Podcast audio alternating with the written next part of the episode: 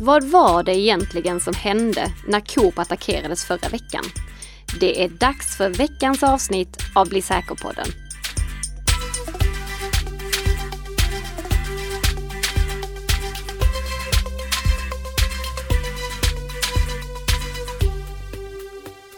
God morgon, god morgon Nicka. God morgon, god morgon Tess. Och vad skönt att kunna sitta och podda med dig på plats här igen. Ja, verkligen jättekul. Vi ser i alla fall varandras ögon. Ja, de sticker upp här över, över eh, mikrofonskärmarna. Men vi har ju under flera veckor nu på grund av covid-situationen fått podda på distans. Nu känns det som att vi är hemma igen. Mm, verkligen. Ja. Mm. Och det här är alltså Bli säker-podden som produceras i samarbete mellan Nika Systems och Bredband2. Den här veckan ska vi prata om attacken mot Coop och många andra företag för den delen också. Många undrar kanske varför gör vi det i Bli säker-podden? För målsättningen här är ju att vi ska ge handlingskraftiga rekommendationer, handgli- handgripliga rekommendationer kring vad man kan göra för att stärka IT-säkerheten. Något sånt kommer ni lyssnare faktiskt inte få den här veckan för att vanliga slutanvändare kan inte göra så mycket för att skydda sig mot den här typen av attack. Men det hade känts som ett eh, tjänstefel ifall vi inte hade pratat om attacken mot Coop i Bli säker-podden. Verkligen. Mm. Mm. Men ni kommer få lite handgripliga tips i veckans snabbisar i alla fall. Och så får ni ta veckans huvudämne som lite sommarkuriosa. Ja, vad har vi först ut här då Nicka? Jo, om någon av våra lyssnare använder Kasperskis lösenordshanterare så skulle jag rekommendera den lyssnaren att byta lösenorden. Åtminstone ifall Kasperskys Kasperskis lösenordshanterare har genererat lösenorden åt honom eller henne. För en lösenordshanterare gör ju det inte bara lätt att komma ihåg sina lösenord. Den gör också att vi får starkare lösenord eftersom en lösenordshanterare kan skapa lösenord som inte har någon logik i sig överhuvudtaget, som är helt slumpmässiga på ett sätt som våra mänskliga hjärnor inte kan. Våra mänskliga hjärnor tenderar att välja lösenord med en viss typ av bokstavskombinationer, alltså bokstäver som kommer efter varandra. Och om man använder en lösenordshanterare för att generera lösenorden, då slipper man det problemet eftersom den skapar helt slumpmässiga lösenord. Mm. Med undantag för hur Kasperskys lösenordshanterare fungerade tidigare. Jaså? Ja, för säkerhetsforskare hos Ledger, du vet de som tillverkar den här kryptovalutaplånboken som vi pratade om för några avsnitt sedan. Mm. De har upptäckt att det fanns brister i den metod som Kasperskys lösenordshanterare genererade lösenorden med. De lösenorden som har genererats har inte varit så slumpmässiga som vi trodde. Mm. Och det gör då att de är lättare att knäcka än vad de ger sken av. För att en lösenordshanterare ska kunna generera slumpmässiga lösenord behöver lösenordshanteraren och datorn som den körs på någon slumpmässig data att utgå från. Eh, Cloudflare, de som tillhandahåller bland annat eh, den förvalda DOH-tjänsten för eh, Mozilla Firefox. Mm. De har i lobbyn till sitt kontor en stor, stor bokhylla fylld med lavalampor. Jaha. För lavalampor, de rör sig ju på ett lite udda sätt, eller den, den här gojsgrejen som är i dem. Och så har de en kamera som filmar den la lavalampsväggen och använder det för att generera slumpmässiga tal. Jaså? Eh, Men hur som helst, så som man inte ska göra, det är så som Kaspersky gjorde då. Och de tog någonting som inte alls var speciellt slumpmässigt, nämligen tiden. Oj då. Ja. Och det gjorde att alla användare av Kasperskys lösenordshanterare som genererade ett lösenord med samma inställningar, alltså antingen standardinställningarna eller samma val av inställningar, vid en specifik sekund fick samma lösenord. Aj då. Ja. Och- Inte bra. Nej, det är inte så bra. Sen hade någon på Kaspersky också tänkt att ja, vi kan vara smarta för att när man använder program för att knäcka lösenord, då börjar man ofta med att testa lösenordslistor. Det är därför vi säger att använd aldrig ett lösenord som finns i en ordlista. Mm. Och sen så börjar programmen testa de bokstavskombinationer som är vanligt förekommande. Och då tänkte utvecklarna av den här lösenordshanteraren att okej, okay, då gör vi som så här. Vi undviker de kombinationerna av bokstäver för att då tar det längre tid för programmet att hitta rätt lösenord, alltså, alltså för knäckprogrammet. Men det är ju snedtänkt för att om angriparen vet att det är Kasperskis lösenordshanterare som har genererat lösenordet, mm. då kör de ju bara allting baklänges istället. Ja, oh, just det. Så det. Det spelar ingen roll liksom. Ja, ja nej, inte bara det, det gör lösenordet svagare. Mm. Rätt lösning är självfallet att generera ett så pass långt lösenord att det inte spelar någon roll, att det ändå är omöjligt för en ja. dator att knäcka det. Eh, och det, det, är det som eh, en lösenordshanterare bör göra. Hur som helst, Kaspersky har åtgärdat det här nu så i eh, dagens versioner av lösenordshanteraren så finns inte det här problemet längre. Och enligt deras webbplats så ska också användaren få en notis ifall han eller hon har ett eller flera lösenord som behöver bytas ut på grund av att de kan misstänkas vara för svaga. Så ifall ni får en sådan notis eller ifall ni vill vara på extra säkra sidan, då rekommenderar er att byta de lösenorden som Kasperskys lösenordshanterare har genererat. Jag vill också poängtera att det här inte på något sätt påverkar vår rekommendation av att använda en lösenordshanterare. En sån här enskild incident påverkar överhuvudtaget inte. Använd en lösenordshanterare. Vinsten av en lösenordshanterare överväger på långa vägar de problem som vi ibland ser. Anledningen till att vi lyfter upp problem som dyker upp också, det är ju för att ge er hela bilden, att inte mm. bara sitta och prata bra om det. Vi vill belysa de nackdelar som ibland dyker upp. Men de nackdelarna är inte någonting gentemot alla de fördelar som en lösenordshanterare ger. Mm. Härligt Nicka! Nu ska jag prata om Instagram mm. och jag tänkte faktiskt att jag ska avdramatisera en grej lite. Ja. Har du någonsin fått ett e-postmeddelande som ser ut att komma från exempelvis Instagram, där det står något i stil med att det verkar som att du har svårt att logga in. Vi kan hjälpa dig med det. Och sen en knapp som du ska klicka på för att logga in och lite längre ner så kanske det finns en sån här lösenordsåterställningslänk. Nej, inte från Instagram, men jag har ofta, alltså på veckobasis, fått det från Spotify. Mm, ja, men då mm. känner du till fenomenet. Ja. För det är ju ingenting som är nytt egentligen, den här typen av utskick. Men man kan ju ändå fråga sig varför man får det här. Alltså innebär det egentligen att någon har kapat ens konto? Enligt Steven Schenk som skriver för Android Police så innebär inte det här att ens konto faktiskt har blivit kapat. Istället så är det mer troligt att det är automatiserade försök från bottar som försöker komma över Instagramkonton. Och detta mail är då snarare ett bevis för att de inte har lyckats. Mm. Eh, och sen kan man ju också såklart fråga sig hur kan man veta om de här mejlen som skickas ut faktiskt kommer från exempelvis Instagram. Så här, ska man klicka på de här länkarna som skickas i mejlet? Um, och ett tips är då att ett, eh, gå till dina kontoinställningar på Instagram. Två, tryck på säkerhet. Och tre, tryck på meddelanden från Instagram. Och där visas e-postmeddelanden som berör säkerhet, inloggning och övriga utskick som skickats från Instagram under de senaste 14 dagarna. Och på så sätt så kan man ju då också verifiera vilka mejl som är äkta eller falska. Ja.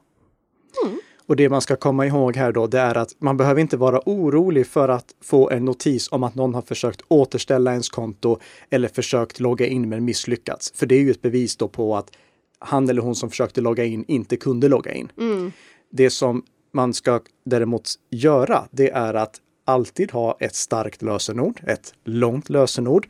Och i fallet med Instagram så ska man självfallet ha aktiverat tvåfaktorsautentisering också så att det krävs både rätt lösenord och en engångskod för att logga in. Mm. Men i övrigt så behöver man inte vara orolig för den här typen av mejl. Alltså står det att någon har försökt logga in men misslyckats, då är allting frid och fröjd. Får man däremot ett mejl där det står att någon har loggat in, då, då kan man ju fundera över vad, vad, det är som har hänt. Men igen, som vi har varnat om många gånger tidigare, klicka inte på länken i mejlet utan gå själv till appen och kolla vad som har hänt där. Mm.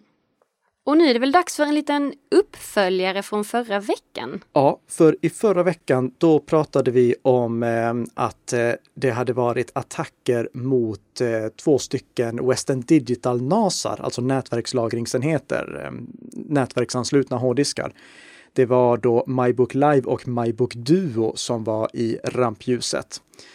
Nu har det tyvärr visat sig att det finns fler sårbara sådana här Western Digital NASAR. Det är eh, Brian Krebs som på sin utmärkta blogg eh, Krebs on Security skriver om hur flera andra förhållandevis gamla Western Digital NASAR behöver uppgraderas.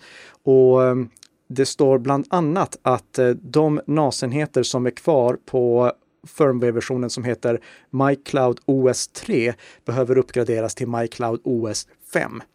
Det är bara det att det är inte alla NASar som kan uppgraderas till MyCloud OS 5. Mm. Jag har eh, hemma hos mina föräldrar ståendes en eh, gammal MyCloud, den första MyCloud-NASen som eh, Western Digital släppte. Och jag passade på att kolla vad status egentligen är på den, för den började säljas 2013. Och när jag kollar ifall det finns nya säkerhetsuppdateringar till den, då gör det inte det. Den fick sin sista säkerhetsuppdatering 2019 och har därefter lämnats av Western Digital. Okej. Okay. I uh, ungefär samma eh, Eh, period, vi ska säga 2014, då lanserades MyCloud Mirror också. Den slutade underhållas 2019. Och jag tänkte att det, det, är värt att lyfta upp det här för att när någon är ute och letar efter en ny NAS, då är ju priset någonting som spelar in. Och då har vi här, svart på vitt, hur Western Digital ser på sitt underhåll. Och det är då någonting som man ska väga in, hur länge en sån här NAS egentligen underhålls. Ja. Jag kan då jämföra det med till exempel Synology som jag rekommenderar. Den äldsta Synology-NASen som jag fortfarande har igång, det är en DS211J. Och den är inte från 2011 som jag trodde inledningsvis, utan den är faktiskt från 2010. Och den får fortfarande säkerhetsuppdateringar av Synology. Det här är alltså bättre än vad Apple förser wow. vissa mackar med. Verkligen. Jag vill också passa på att tipsa om att det på Synologys webbplats finns en jättebra översikt som visar vilka NAS-modeller som de fortfarande underhåller. Och det är någonting som saknas nästintill helt och hållet hos Western Digital. För om vi tar den här eh, Western Digital MyCloud som exempel. Den finns för det första i flera olika versioner. Några av de versionerna är kompatibla och kan uppdateras till MyOS 5 eller eh, Mike, MyCloud OS 5 heter det. Medan andra inte kan det. Mm. Och eh, den NASen som jag har hemma hos mina föräldrar, jag kollade på den och den kunde inte uppgraderas för det var då en av de första. Mm. Men det indikeras inte på något sätt att den inte längre får säkerhetsuppdateringar. Det, det är inte någon röd lysdiod som blinkar Nähe. och loggar man in i webbgränssnittet och letar efter säkerhetsuppdateringar, då står det bara fast programvara och så senaste versionen och en blå bock som indikerar att allting är som det ska. Aj då. Och ja, det, jag har installerat den senaste säkerhetsuppdateringen som finns, men det betyder ju inte att den är säker för det. Nej, absolut. Så Western Digital skulle behöva börja indikera det mer tydligt också än mm. vad som är fallet nu. Det, det, som vi får rekommendera våra lyssnare här, det är helt enkelt att om man har en eh, Western Digital NAS som inte längre får säkerhetsuppdateringar, att det står att den inte har uppdaterats sedan typ i fjol, mm se då till att den inte har någon som helst kontakt med internet. För att om man bara vill ha den som en vanlig extern hårddisk fast den är nätverksansluten och man vet hur man isolerar den helt och hållet från internet, då kan man fortsätta använda den för det. Men alla de här specialfunktionerna för att kunna säkerhetskopiera mobilens bilder och liknande, det är bara att glömma. Att ingen åtkomst till internet överhuvudtaget på NASAR som inte får säkerhetsuppdateringar. Gott! Och nu är det dags att prata om egentligen veckans största händelse. Ja. Attacken mot Coop. Jag tror det är ingen av våra lyssnare som har missat det här. Nej, det, det här är ju ett ypperligt bevis på vad som händer i samhället när e, egentligen hur IT-säkerhetsproblem påverkar samhället. Så ska jag snarare mm. säga. Vi ska gå igenom i detalj hur det här hände, men jag vill först och främst poängtera två saker. Och det första är att det här kan kännas som att det påverkade samhället väldigt mycket. Det är fortfarande peanuts om man jämför med vad NotPetya ställde till med. Och jag tror att vi ska någon gång ha ett specialavsnitt om NotPetya också, där vi liksom pratar om vad NotPetya ställde till med, för det är fortfarande mycket, mycket värre än det vi har sett här. Det här är bara ett litet smakprov på vad som kan hända. Det andra, det är att den grupp som ligger bakom den här attacken mot Coop och många andra företag, det är Sodino Kibi som vi har pratat om många mm. gånger tidigare. I nyhetsmedier nu i veckan, då har de oftast kallats Revil. Men Revil är alltså samma grupp som vi har tidigare kallat Sodino Kibi här i podden. Just det. Och Sodinokibi är inte bara en organisation med liksom ett gäng som sitter någonstans, utan det är ju en sån här ransomware as a service-tjänst där de tillhandahåller utpressningstrojanen men låter entreprenörer, eller vad man nu ska kalla det, ja. eh, eh, affiliates, frilansare, franchisetagare sprida den här utpressningstrojanen till deras måltavlor. Mm. Vi vet fortfarande inte vem det var som spred den till Coop, men vi kommer självfallet fortsätta att hålla ögonen på vad som händer med hela den här historien. Som alltså började förra fredagen och det som vi berättar nu, det är det som har hänt fram till torsdag eftermiddag, alltså torsdagen den 8 juli när vi spelar in Bli säker-podden.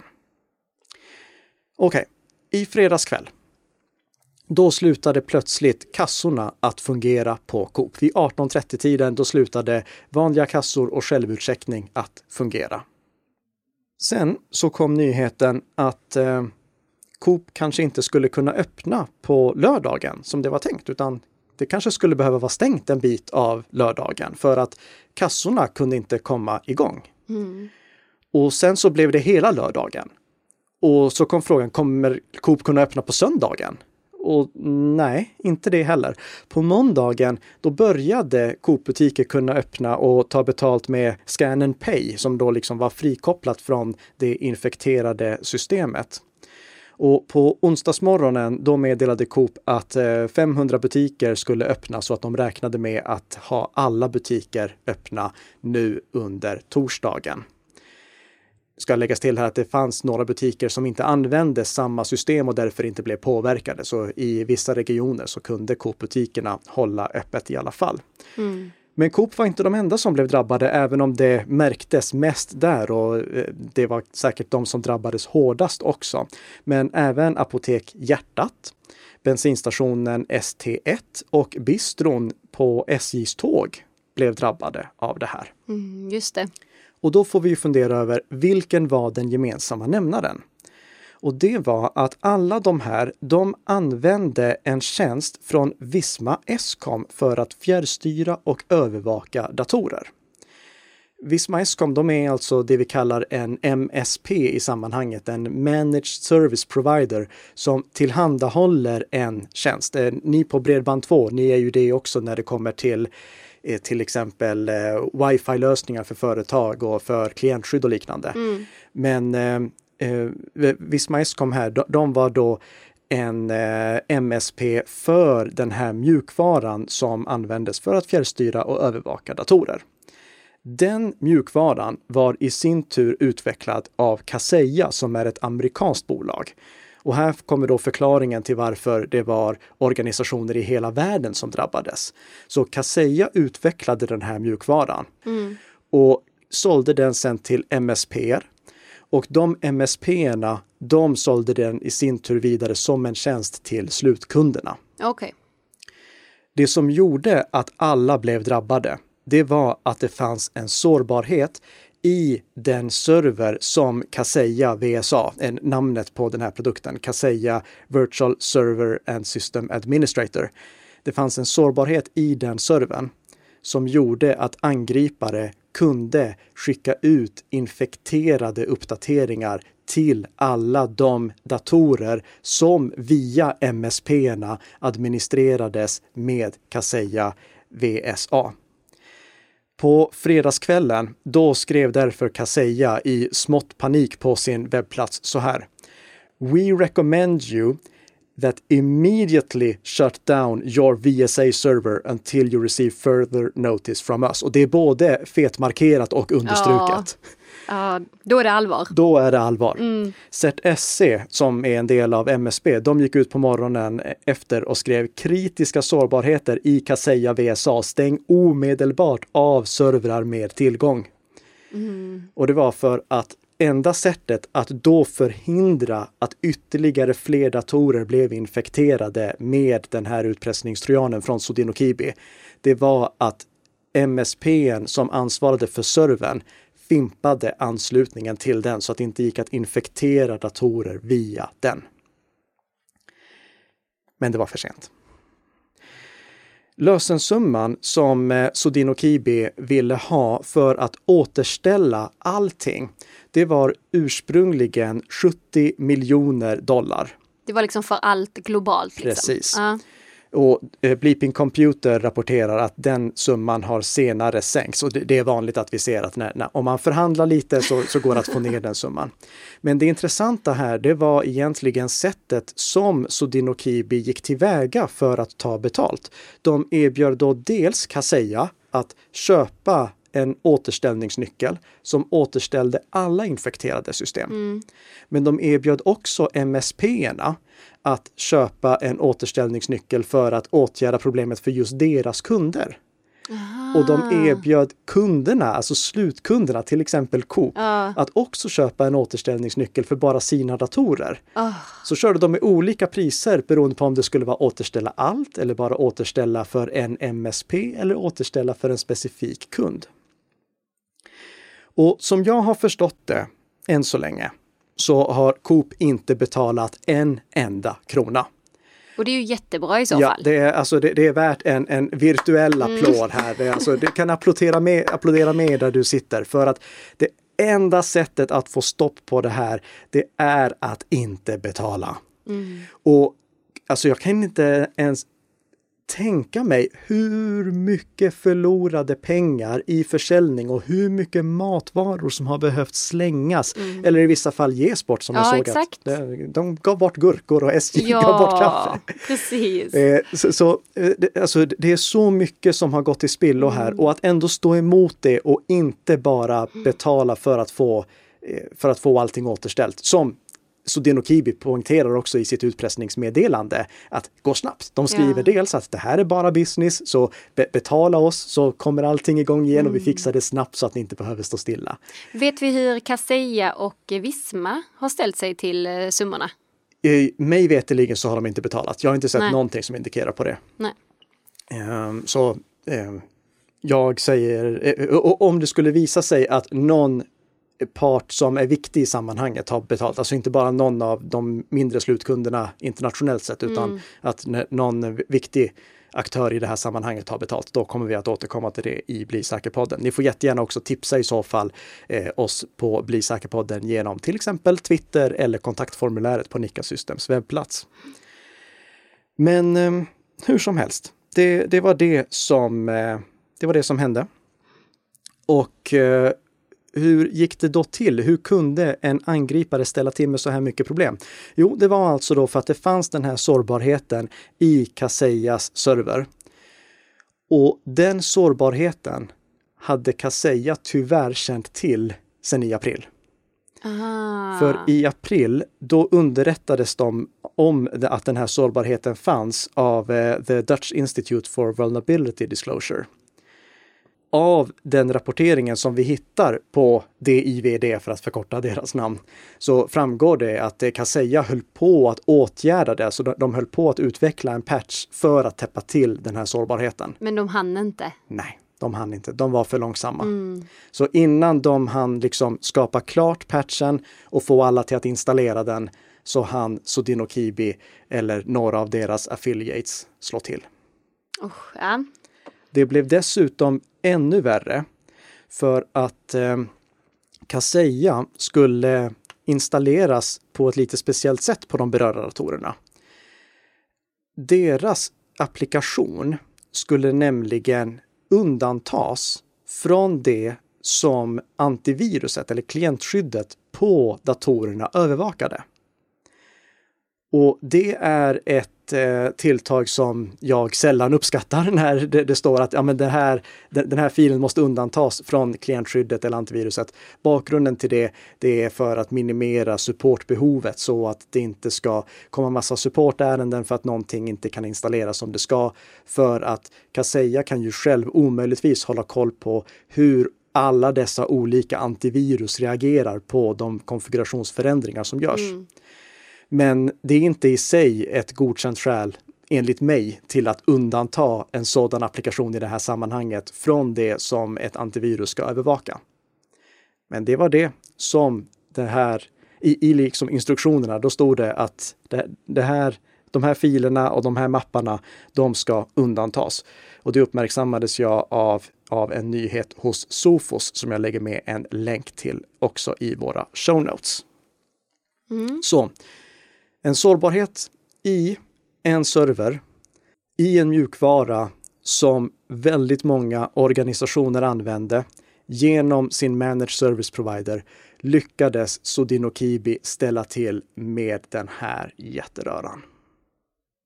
Men i och med att det finns ingenting som kanske våra lyssnare kan göra. Nej. Men finns det någonting som vi kan så här, tipsa de som kanske har, äger ett företag eller driver eller jobbar på IT-avdelning? Oh, oh ja, det, det, finns massor att göra eh, för den som driver ett eget företag. Och eh, precis som jag sa inledningsvis att eh, den här, det här slarvet hos Kaspersky, det är inte skäl till att sluta använda en lösenordshanterare. Nej. Och en sån här incident, det är inte heller skäl till att inte använda en managed service provider. Jag vet att det finns jättemånga som Alltså, tänk dig ett litet bolag med hundra anställda. De, ja, medelstor får vi då kanske till och med kalla det.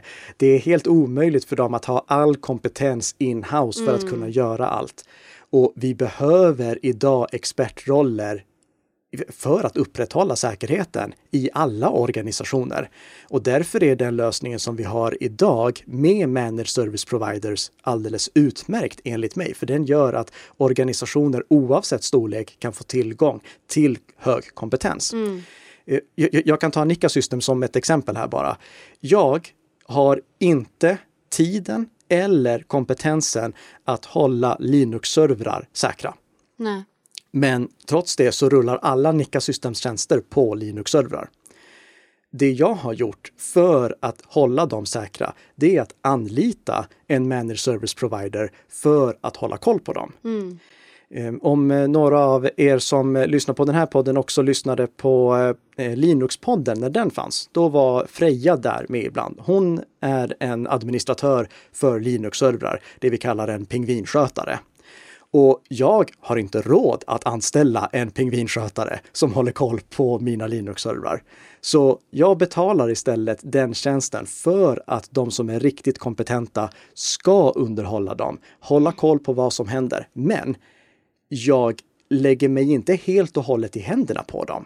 Utan jag kollar fortfarande att det ser ut som att allting är fixat. Och när det kommer till backup, då tar jag egen backup. De tar backup åt mig. Men jag litar inte på att den backupen kommer rädda mig ifall verkligen bleep hits the fan en dag. Mm.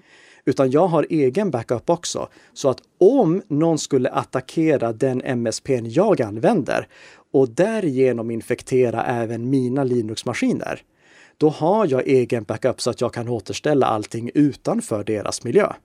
Och det har jag liksom bara kollat, okej okay, det kommer ta fyra timmar för mig från det att jag får reda på att någonting har gått snett till jag kan sätta upp allting på ett nytt ställe. Och det, det är då liksom det jag räknar med, det är fyra timmars nedtid förutsatt att jag kan hugga tag i det direkt. Ifall någon attackerar eh, den, eh, det CDN-nätverket som jag använder för att strömma video, då måste jag gå över till en backup-lösning där. Eh, det tar säkert en, ett dygn innan det är igång och då kommer det inte gå att strömma i Ultra HD-kvalitet utan det är låst till att bara vara 2020p. Men i alla fall, det finns backuper och det är det mm. här som organisationen måste göra. De måste fundera på vad händer ifall inte vi blir attackerade direkt, utan vi blir indirekt attackerade på grund av att någon vars tjänster vi förlitar oss på blir attackerade. Vad gör vi då? Vad har vi för backup själva? Mm. Och vad man ska göra där, det är inte någonting som liksom, det, det, finns in, inte något rätt svar där, utan det måste man göra en individuell bedömning på i alla sammanhang och väga de kostnader som man är villig att ta mot de risker som man är villig att ta. Och det är en övning i sig att sitta liksom och gå igenom, okej, okay, vad är det för risker vi har? Vilka risker kan vi tolerera? Vilka mm. risker kan vi inte tolerera? Och gärna också sätta pris på vad det skulle kosta företaget eller organisationen ifall man blir utsatt för en typ av attack och då för varje attacktyp för sig. Ja. Men det, det är någonting som bara för att svara på din mm. fråga. Det, det finns jättemycket som organisationer kan göra och eh, självfallet vi ska inte glömma att upprätthålla det egna skyddet är fortfarande det absolut viktigaste. Att det här som vi har pratat om, att du har flera olika lager, du ska se till att mm. användarna är medvetna om hur, vad de arbetar med, du ska se till att de känner till vilka hot som finns. Det, det är fortfarande det absolut viktigaste. Men det som vi såg hos Coop nu, det är en bra påminnelse om vad som händer ifall vi missar en del i IT-säkerhetskedjan. Vi måste se till att skydda allting från mm. start till slut. Mm. Och slut, det är det på den här podden också för den här veckan. Men det blir en ny start på den här Bli säker-podden redan om en vecka. För då är vi tillbaka med ett nytt avsnitt av Bli säker-podden som gör dig lite säkrare för varje vecka som går. Tack så mycket för att du har lyssnat och trevlig helg! Trevlig helg!